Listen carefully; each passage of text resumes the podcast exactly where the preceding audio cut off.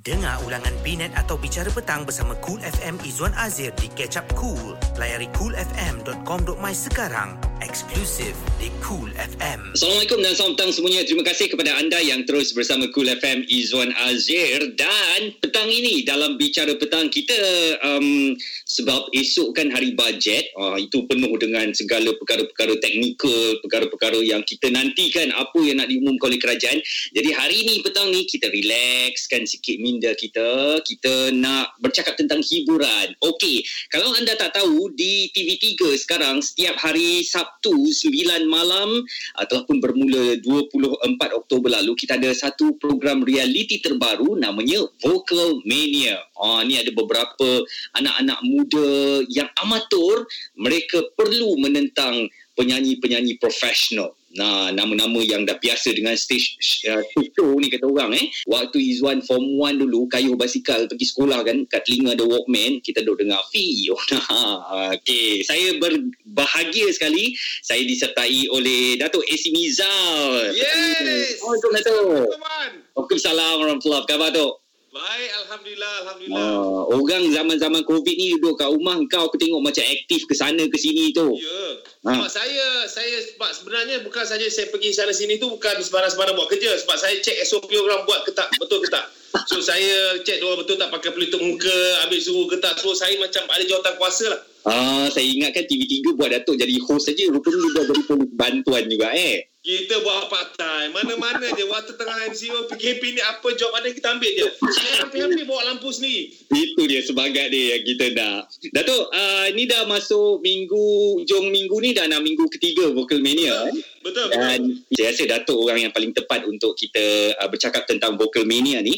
Jadi kalau boleh kita mula petang ni Datuk, um, saya nak tahu. Um, Datuk bukan seorang yang uh, baru dalam industri host ni, dah biasa, yes. dah Uh, mungkin Dato' nak ceritakan kelebihan uh, konsep vocal mania ni tu uh, sebab okay. dia tentang penyanyi amatur yang kena menentang penyanyi profesional. First of all, ini merupakan satu program di mana ia memberi ruang kepada penyanyi-penyanyi amatur. Okay? Hmm. Sebab kita ada 24 penyanyi amatur yang dikenali sebagai rookie yang hmm. akan berlawan dengan orang idol yang memang penyanyi profesional lah. Kita hmm. ada Tomo, Lan Solo, Indah dengan Aina Abdul. So what kita apa yang kita ada patutnya sekarang ini adalah platform untuk amatur mencuba dengan apa yang ada pada idol ni. Diorang akan tengok try bila atas pentas nyanyian uh, lain daripada kalau kata buat video je. Hmm. So ini merupakan pengalaman diorang dapat dapat pengalaman daripada idol-idol dan sebagainya dan yang paling penting sekali rancangan ini dia konsentrasinya kepada dua platform iaitu uh, artis-artis daripada rancangan daripada TV-TV yang kontroversial ataupun yang yang macam biasa dan juga orang-orang yang dalam internet so, sebenarnya kita menggunakan du- kedua-dua dunia dunia Aha. internet dan uh, dunia TV hmm. untuk kita paparkan persembahan hmm. so yang paling best adalah bila penyanyi-penyanyi amatur ni setiap minggu ada empat penyanyi amatur yang berbeza hmm. alright diorang merebut jumlah uh, wang bernilai RM80,000 Ha, berapa? RM30,000 uh, yang idol pula RM50,000 ah. yang bestnya hmm. bila rookie ni penyanyi amatur dapat kalahkan idol ha Which is dah, dah dua minggu ni belum lagi kan dok? Eh dah, waktu minggu pertama oh, dua I, dua rookie berjaya kalahkan uh, dua idol uh-huh. dan minggu kedua pula idol dah naik semangat dah geram empat empat idol menang. Menang. So, minggu ketiga ni kita bakal saksikan lah. Mungkin sebab uh-huh. apa dia macam main bola ada dua kosong, tiga kosong, empat kosong uh-huh. dan sebagainya. So it's very interesting uh-huh. di mana kita dapat saksikan yang bahawa penyanyi-penyanyi idol pun pressure dia kepada penyanyi idol. Betul. Ha, sebab rookie-rookie ni dah tahu idol-idol ni nyanyi macam mana. Yang paling best waktu battle tu, hmm? diorang tak ada rehearsal tau. Masa oh. tak pernah berjumpa, jumpa atas stage waktu tu nyanyi. Gila. Ha. Gila. Saya, saya panik oh. Bila hmm. waktu memang saya panik. Sebab apa? Kita tahu bila bila mengacara rancangan bila live ni kadang-kadang kalau kita ready pun kadang-kadang dengan masalah teknikal pun ada masalah. Hmm. Kadang tak tak tak rehearsal ni pun banyak masalah yang besar. So hmm satu cabaran besar bagi Aidil lah. Kalau saya Aidil, saya tak ambil job ni. Hmm, tapi apa, Datuk? Uh, Datuk memang nampaknya tepat dan fit untuk ada kat pentas tu mengawal keadaan. Saya nak tahu juga sekarang ni, Datuk. Um, dah dua minggu, uh, hari Sabtu ni akan masuk minggu ketiga. Bagaimana agaknya Datuk sebagai orang lama dalam industri tengok uh, keyakinan yang ditunjukkan oleh uh, penyanyi-penyanyi amatur ni yang kita kenali sebagai rookie? Rookie. Okay. Diorang memang confident level diorang very, very high. Hmm. Kadang-kadang terlampau tinggi Betul, betul, betul. Dan kadang-kadang dia tak segan silu menyatakan keyakinan dia tu. Yes. Sebab diorang merasakan bila diorang keluar video dan sebagainya, bila dengan ada ramai orang view tu maksudnya sedap sangat lah, bagus sangat lah diorang. Hmm. Diorang tak tahu bila di atas pentas berbeza. Hmm. Persembahan di atas pentas berbeza dengan you hanya shoot video. Betul. So, idol-idol ni semuanya dah biasa dengan pentas, persembahan pentas. So, memang kita kalau pemerhatian saya nampak diorang punya confidence level ni memang dahsyat sangat sampai kadang-kadang tak tercapai di akal. Lain macam betul eh. Lain macam kadang-kadang kita kau ni kau ni confident sangat ni. kan?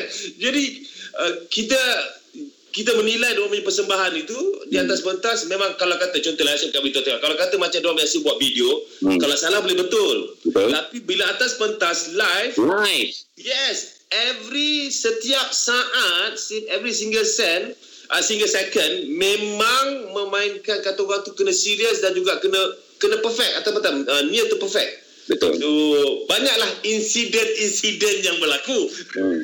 Kita akan bercakap tentang insiden-insiden tu dan bercakap tentang rookie kita yang memang selama ni dia orang dah biasa di video Betul. tapi nama Nuha Bahrain ni juga yang nampaknya agak sensasi sikit. Kita akan bercakap tentang tu Datuk. Kita berehat sekejap. Cool FM pilihan pertama untuk isu semasa. Jangan terlepas mendengar Izwan Azir pada bila-bila masa di Catch Up Cool. Klik di web atau app Cool FM. Anda dengarkan Cool FM di 90.2 FM di Pulau Pinang dan apa khabar Lodestar di uh, 107.3 FM. Izwan Azir di sini petang ini bersama dengan DAC.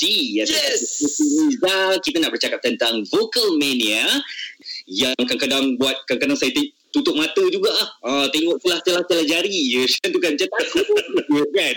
Yes. Okey, salah seorang yang membuatkan saya tutup mata tengok celah jari ni seorang rookie. Nama dia Nuha Bahrain. Okey, kita ni dah viral dah. Ramai pun dah berikan komen.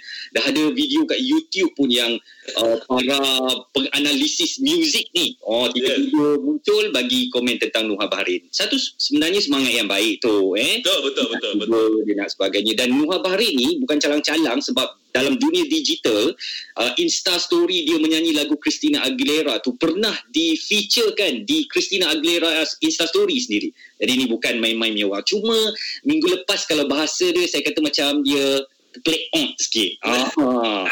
Jadi, Datuk, Sikit, sikit ke banyak? Um, okay, tak apa tu saya reserve lah tu. Not on national radio lah kan. Uh, bukan netizen kita terlalu kejam. Oh, sampai terus uh, bagi sedas macam tu kan. Tak bagi peluang. Ini macam Datuk kata lah, show ni bukan calang-calang ni kan. Uh, show No, but- night lagi kan. Ya, saya sebut bagi saya netizen ada hak sebab kesilapan memang dibuat. Hmm. Kalau kesilapan tidak dibuat, netizen bantai, then kita boleh salahkan netizen. But Hmm. I think waktu itu Nuha waktu tu waktu petang dia waktu rehearsal pun Hmm. dia nampak agak tertekan. Dia macam Oh. very shaky. Hmm. First of all, dia kena faham eh, ah, waktu dalam rancangan Vocal Mania ni, walaupun you dapat kalahkan idol, walaupun you dapat Rookie Star Award, tidak menentukan you akan masuk ke semifinal dan final. Hmm. Sebab untuk masuk semifinal tetap berdasarkan pada undian-undian online. Hmm. Maksudnya menang ke, you dapat kalahkan idol ke, you menang Star Award. Kalau you punya undian online tak tinggi, you tidak akan menjadi 8 antara yang masuk semifinal dan kemudian 4 yang masuk final. Hmm. So, dia punya tekanan adalah bila dia terpaksa berlawan dengan all the idol ada uh, rookie dan sebagainya. Sebab rookie-rookie ni ada 24. Hmm. Kalau ikutkan satu bas rombongan sampai ni. Betul. Dan lepas itu pula dia terpressure dengan idol-idol yang dekat bawah. Memang Hmm. semuanya dahsyat-dahsyat. Sebab apa perkataan battle. Maksudnya dia mencabar idol. Eh bukan senang-senang tu nak cabar artis. oh, betul lah kan. Ha.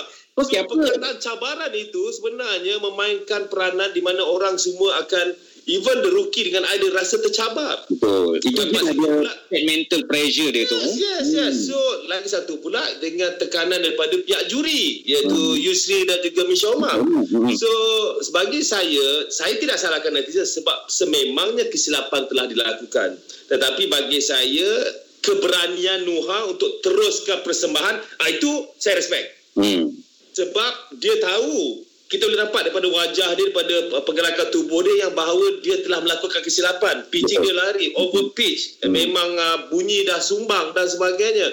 Uh, tapi dia masih lagi macam itulah dia kata orang pengalaman di atas pentas amat penting bila melakukan persembahan. Sebab kita kena tahu bila apa-apa perkara tak diingini terjadi nak buat macam mana? Betul. Ah, so dia try. Mungkin waktu tu dia tengah buat suara Donald Duck kita tak tahu. Donald Duck apa tu jangan Donald Trump. ah, itu kelakar. Itu kelakar. Itu kelakar. Itu kelakar. So, so bagi saya uh, dia mencuba sebaik mungkin uh, tetapi kisah apa macam itulah cakap bila pressure kadang ialah kita kan kita nak terangkan semuanya kepada netizen netizen pun faham hmm. tapi ini merupakan satu uh, peraduan dalam Wokemina yang lain pada lain di mana memang tekanan ni besar. Hmm. And then uh, tapi bagi saya lah dia bernasib baik sebab kita tidak ada penonton. Kalau ada penonton mungkin Aduh, akan betul eh. Oh, Susah kerja Dato' nak mengawal ke atau takut perkara-perkara yang tak diingini berlaku eh suara-suara ya. daripada penonton tu. Ya. Um okey Dato' um kita dah dah tengok uh, orang panggil kejadian Nuha ni Dato'. Tetapi apa kita macam tak kau cerita macam bencana alam.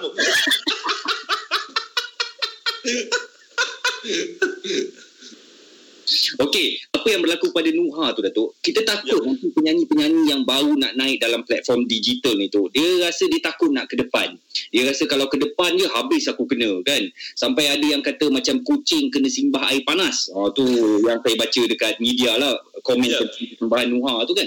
Jadi apa nasihat Datuk kepada mungkin penyanyi-penyanyi baru yang nak naik ni di platform digital um, yelah kalau mereka masuk rancangan reality macam ni ke apa yang diorang kena expect uh, mungkin diorang tak boleh nak jangka bahawa kau menyanyi de- dengan handphone kau aja uh, yeah. sama dengan uh, stage yeah. performance ni bagi saya yang paling penting kena tahu kelebihan dan kelemahan masing-masing. Sebab apa bila di atas pentas ini kita kena tahu macam mana nak counter apa saja kesilapan kita. So nasihat saya kepada penyanyi-penyanyi amatur ini, amatur ini ada dapatkan banyak pengalaman. Mungkin di luar-luar dan sebagainya. Pergilah nyanyi karaoke open ke dan sebagainya. Sebab bila nyanyi live is totally different daripada recorded. Betul. so bagi saya saya pula tidak akan membatas atau menjatuhkan semangat all these newcomers. Bagi saya kita perlukan artis baru. Kita perlukan feel-feel yang baru dalam dunia hiburan. Kita feel, kita perlukan image-image baru dan sebagainya. Genre-genre baru untuk dalam uh, menyerikan dunia hiburan.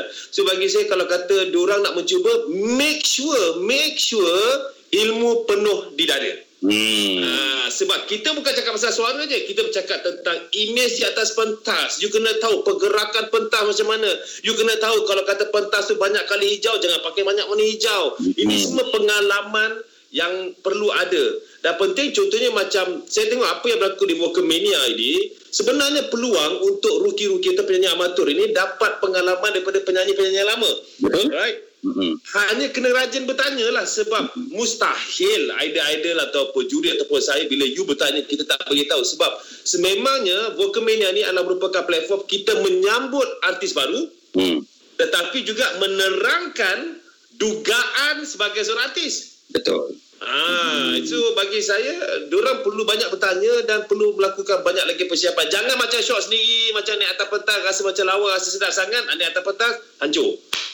Yang bestnya tu tentang Vocal Mania ni dia bukan tentang pertandingan saja. Sebab ya. dia juga adalah satu platform untuk uh, dapat ilmu kan. Dia mengasah ya. bakat dia dengan mereka yang betul-betul dah berpengalaman. Uh, jadi ya harap-harap kalau diorang tanya dekat Datuk juga Datuk kena bagi ilmu lah pada saya sentiasa, saya sentiasa bagi saya lagi banyak saya berkongsi ilmu lagi banyak Allah bagi rezeki saya. Itu paling Betul. penting. Uh, uh, itu paling penting Cool FM pilihan pertama untuk isu semasa. Daripada TV ke radio.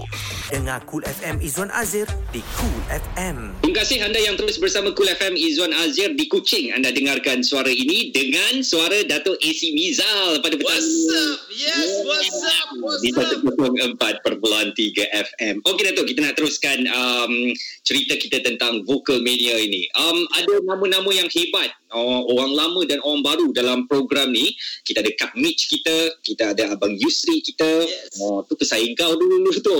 Memang memanglah tu. Memang saya perhati je daripada atas pentas tu. Tengok je kat dia kan.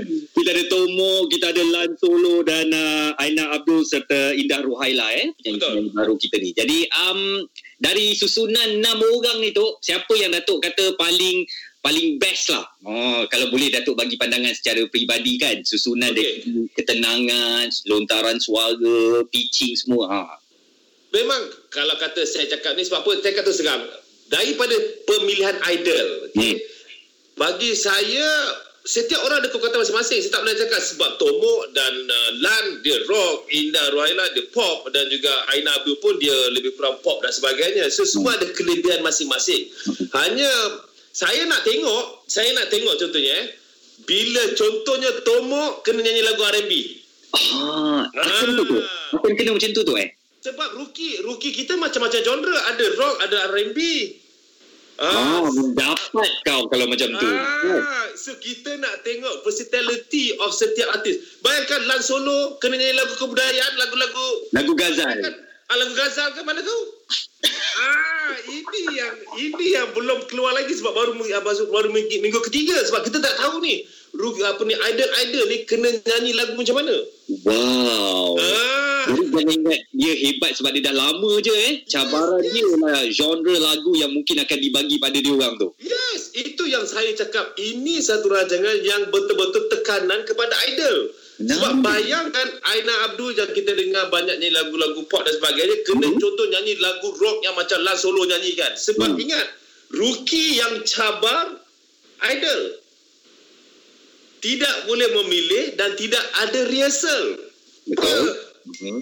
Nangis, takut. Takut tu macam mana tu. Takut, takut. Ya Allah. Kalau Takut. Kalau saya kena mau pergi tandas tu macam Ya. Udin dalam tandas tu tu duduk menggigil-gigil. Betul. Okey, rookie pula dia tidak ada tekanan sangat. Yalah antara you sumbang tak sumbang atau perform bagus. Idol. Tekanan dia takut rehearsal tak ada. Hmm. Takut sekarang tak matching pula dengan dia battle. Yang Hmm. paling takut kalau kalah malu. Betul. Oh, dah lah live Yes, tu kan. Ha. So ada juga macam contohnya waktu yang first episode Ternasib Baik dia berlawan dengan Aina Abdul. Nama Hmm. dia Alif, budak Alif ni. Dia pergi sama kata orang competition dengan Aina Abdul ke Los Angeles. Aha. Dia menang 7 award, Aina menang 8. Hmm. Dan malam itu dia menang, Aina Abdul kalah. Oh, itu dia kan. Ah, Itu dia so antara drama-drama dia tu. Yes, itu yang orang tak tahu sebab apa yang macam idol-idol ni diorang memang ada diorang punya genre masing-masing. Hmm. Bayangkan kalau diorang di-challenge dengan genre yang bukan diorang punya. Mendapatlah kau. Ah, mendapatlah kau. Itu pasal kata ni memang kata orang tekanan memang kuat kepada idol. Kepada Yusri dengan Misha pula pun tekanan juga Hmm. sebagai juri. Bayangkan macam itu je nak cakap artis yang kalah, idol yang kalah. Oh malu. So kita kita antara artis pun takkan nak cakap. Okay, contoh waktu yang first tu waktu tu uh, Tomok tewas kepada idol, uh, kepada Hmm. Rocky. Hmm. So kalau saya pun nak bagi keputusan itu pun Live tak dapat hati tu pun. kan. Yes. Hmm, Yes. Betul. Sebab kawan ni artis kita ya, bukan tak betul. kenal siapa tu. Ha. Ha, itu semua orang ada pressure. InsyaAllah tak simpan kat hati. Semua profesional tu eh. Yes, yes. Betul. Hanya Ah. penerangan lah. Maksud kita kena terang pada itu bahawa kadang-kadang macam saya cakap lah, genre diorang berbeza. Betul. Ha. Ha, kan? Itu yang bahayanya tu. Sekarang belum semua rookie buat show lagi. Uh, ap- apakah Datuk dah lihat dalam minggu kedua sejak uh, sampai minggu lepas tu um, ada dah Memang ada. Hello? ada tu? Boleh boleh Datuk dengar. Hmm. Ah, kadang-kadang sangkut. Okey. Datuk rasa ada Okay, tak? you pakai internet jiran ke internet sendiri? Eh. ah, okey, dah saya ulang tu. Ada ada tak bintang-bintang rookie ni ataupun uh, uh, penyanyi-penyanyi rookie kita ni yang Datuk rasa bintang dia boleh bersinar pergi sampai ke um, final? Yes, ada. Memang ada. Uh, saya dapat saksikan kalau ikutkan minggu pertama boleh kata ke semua ke semua uh, rookie-rookie telefon ada jiran telefon je. Kau pakai wifi dia. Sebab dia nak tukar password. So, so wa- waktu minggu pertama memang boleh katakan keseluruhan rookie memang boleh pergi ke semifinal. Hmm. Tapi masuk minggu kedua agak agak kita boleh nampak macam tak seberapa kuat macam minggu pertama. Ah. Sebab itu minggu pertama dua sama seri. Dua Dua rookie menang, dua idol menang. Minggu kedua empat-empat idol menang. So kita dah nampak lah ada ada a few dah memang walaupun baru dua minggu boleh nampak. Yang minggu pertama tu kebanyakannya memang boleh pergi ke semifinal. Okey. Um, kita rahsiakan, biarkan tu rahsia Datuk. Dia Yep. Datuk pun kita tak akan namakan sesiapa kan. Ya, Dan betul. kita tengok macam mana persembahan dia orang uh, dalam minggu ketiga ni pula dengan rookie yang baru. Betul kan, Dok? Rookie yang baru. Alright. Empat orang rookie yang baru. Okey. Cool FM. Pilihan pertama untuk isu semasa bersama Izwan Azir. Suara Semasa Cool FM. Terima kasih kepada anda yang mendengarkan Cool FM Izwan Azir. Kalau tempat anda tak ada frekuensi Cool FM, no frekuensi, no worry. Sebab anda boleh dengarkan kami di coolfm.com.my ataupun di atas beberapa aplikasi Spotify dan juga Jukes. Alright, Dato' AC Mizal masih bersama saya pada petang Yes, ini. Puan. Yes, Kita dah yes. Kita dah bercakap tentang um, vocal mania tapi ini saya nak nak go into Datuk lah sekali kan Oh, Macam ini Datuk kira internal lah ni. Internal internal, ni. internal sikit lah kan uh, Okey. sebab mana boleh tu waktu waktu 1993 form 1 for you to see about that area uh, era, Betul. era eh? Betul, betul. 1991. masa tu Datuk umur berapa eh Waktu tu saya umur dalam 20-an lah. Dalam 23, 24 macam tu. Yes. ni kira macam kau kena pakai CD yang paling besar kat dada lah kan Sebenarnya nak gantung microwave untuk panaskan lauk tapi takut tak tak cukup tak, tak bawa dari bawah dari badan. Kita try gantung washing machine. Tak. Okey. Tak selamatlah image tu tak ada. Kalau image tu ada confirm aku tak sokong kau itu isu. Okey, kita nak bercakap tentang Datuk Esi Mizal sendiri. Datuk um, sekarang melihat bahawa nak jadi penyanyi ni sebenarnya mudah. Platform dia banyak. Dia buat Insta story sikit, dia masuk TikTok sikit ke dalam sekejapan. Tak payah pakai minggu, pakai hari je pun dia boleh Ya. popular. Berbanding zaman era Datuk dahulu yang kalau nak ulang lagu Fiona tu kena letak hashtag dekat pen dan kena pusing macam tu tu. Kan? Betul, Ah. betul. Sokong, sokong. Kan? Jadi sekarang Datuk, um, kalau Datuk diberi pilihan lah, Datuk suka era yang mana? Era Datuk mula naik dahulu sebagai seorang penyanyi atau Datuk sekarang suka uh, um, kemudahan digital yang ada dan macam-macam ni? Ya, bagi saya saya lebih suka pada yang macam zaman dulu zaman nyanyi pakai tape. Hmm. Sebab di situ kita dapat tengok kemampuan seorang artis itu menyanyi betul ataupun tidak. Maksudnya dia kena perfect pitch. Kalau salah kena mula pada pada awal lagi dan sebagainya. Tetapi itu juga tidak bagi saya mengatakan yang hati-hati baru ini tidak bagus.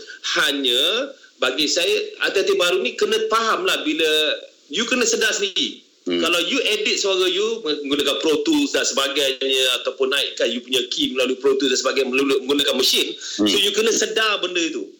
Jadi jangan bila atas pentas menggunakan key yang sama you kena turun satu key dan sebagainya. Macam artis dulu you tengok Ramlah Ram, you tengok uh, katalah sekarang ni uh, uh, Awi Hmm. hmm. sebagainya. Even even alhamdulillah saya sendiri pun bila menyanyi banyak menyanyi pun kita masih lagi mampu menggunakan key-key kita yang dulu. Sebab kita memang kena nyanyi key itu sebab zaman sekarang zaman dulu tak ada lagi adjustment adjustment melalui mesin ni.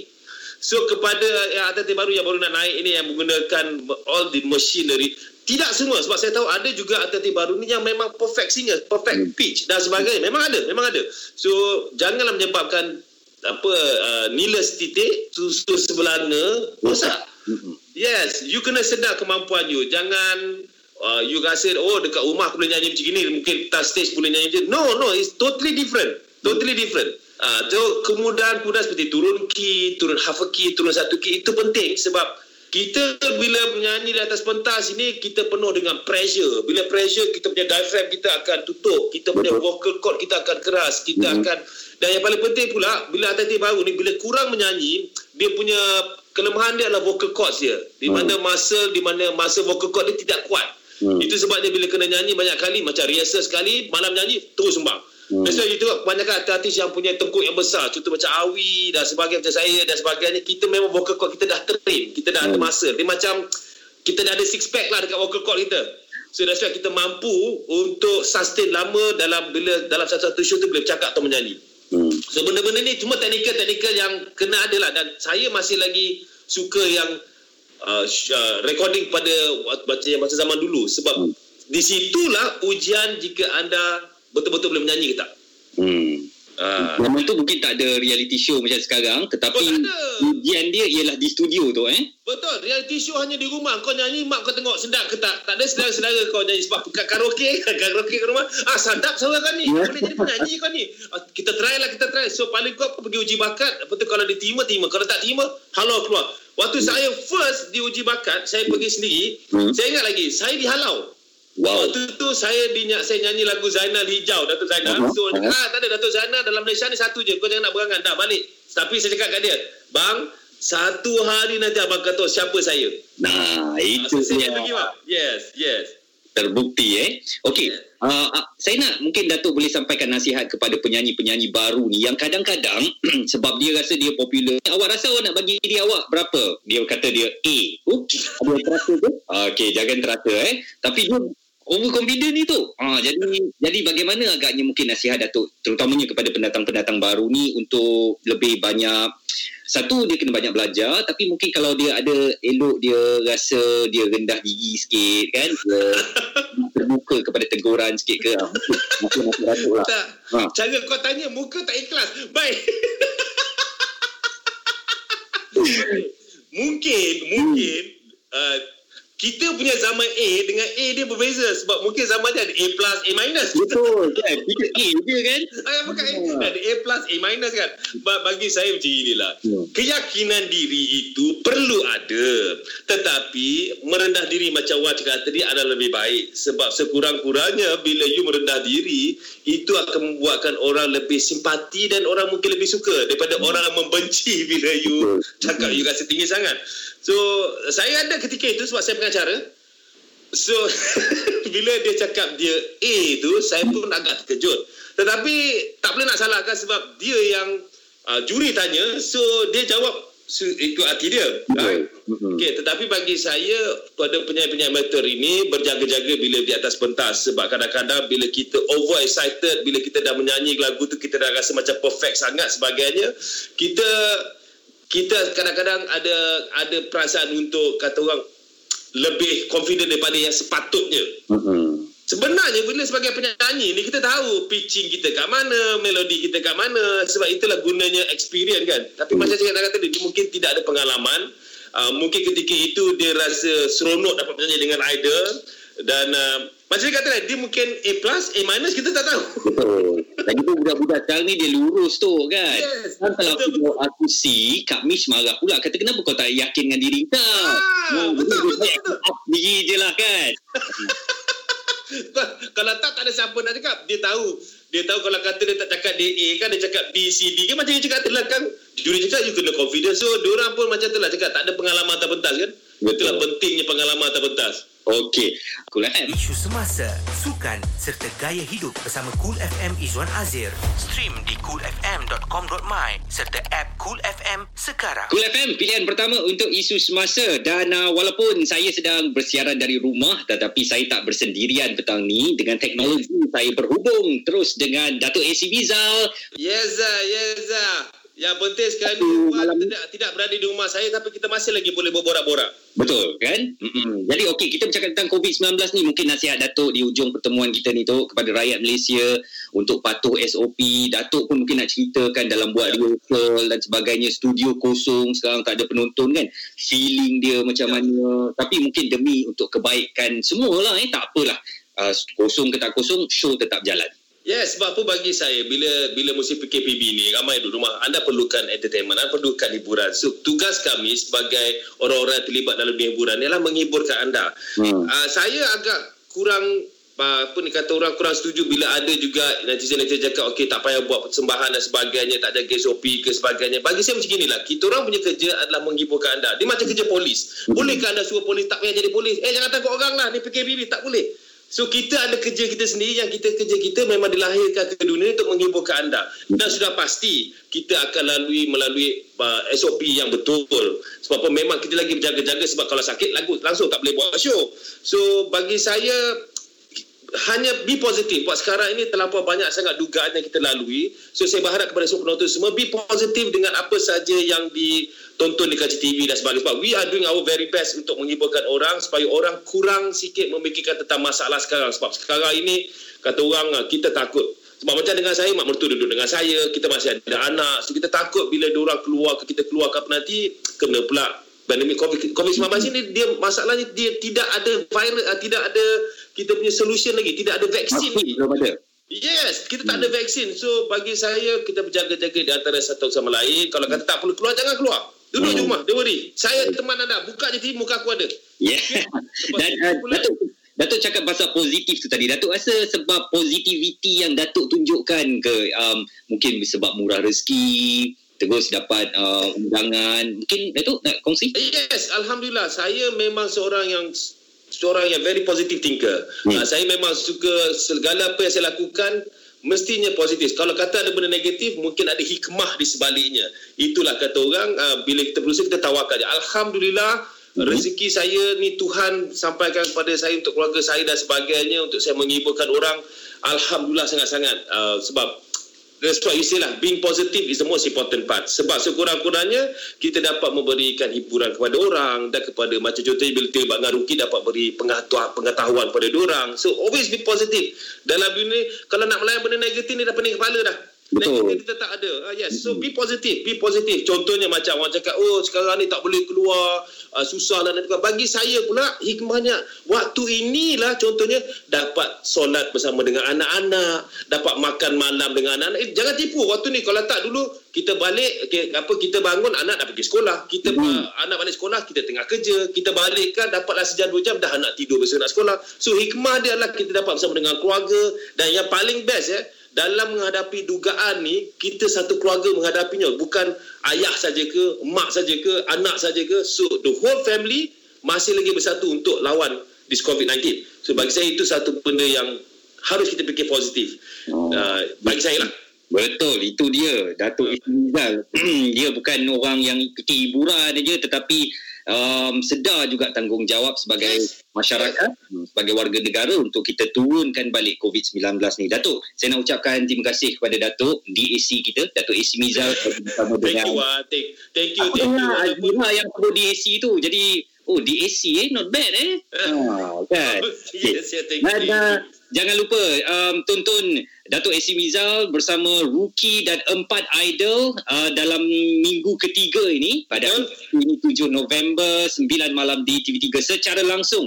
Mudah-mudahan kali ini um, yang mana yang dah down minggu lepas tu akan naik balik lah eh semangat. Ya, InsyaAllah. Insya Rookie-rookie yang lain pula. So, thank you Wan, thank you Cool FM dan kepada anda semua jangan lupa saksikan ini secara langsung. Tidak ada benda yang kita buat di sebalik tabir. Memang apa yang anda saksikan atas pentas itu yang sedang berlaku. Battle-battle yang tidak diduga, tidak pernah direhasal dan sebagainya. So jangan lupa bersama dengan saya, si Mizal dalam Vocal Mania 9 malam ni eksklusif di TV3. Terbaik Datuk. Terima kasih Datuk. InsyaAllah kita jumpa lagi. InsyaAllah, insyaAllah Wan. Thank you, thank you Cool FM. Thank you so much. Terima kasih. Alright. Ah, ni, alang-alang dah cakap ni uh, IT tadi ada lagi? IT ada kat dapur tu nanti kau pergi ambil sendiri. Okey. Okay, dah sejuk lah sikit. Bersama kami di Cool FM Pilihan pertama untuk isu semasa Dengar ulangan Binet atau Bicara Petang Bersama Cool FM Izzuan Azir Di Catch Up Cool Layari coolfm.com.my sekarang Eksklusif di Cool FM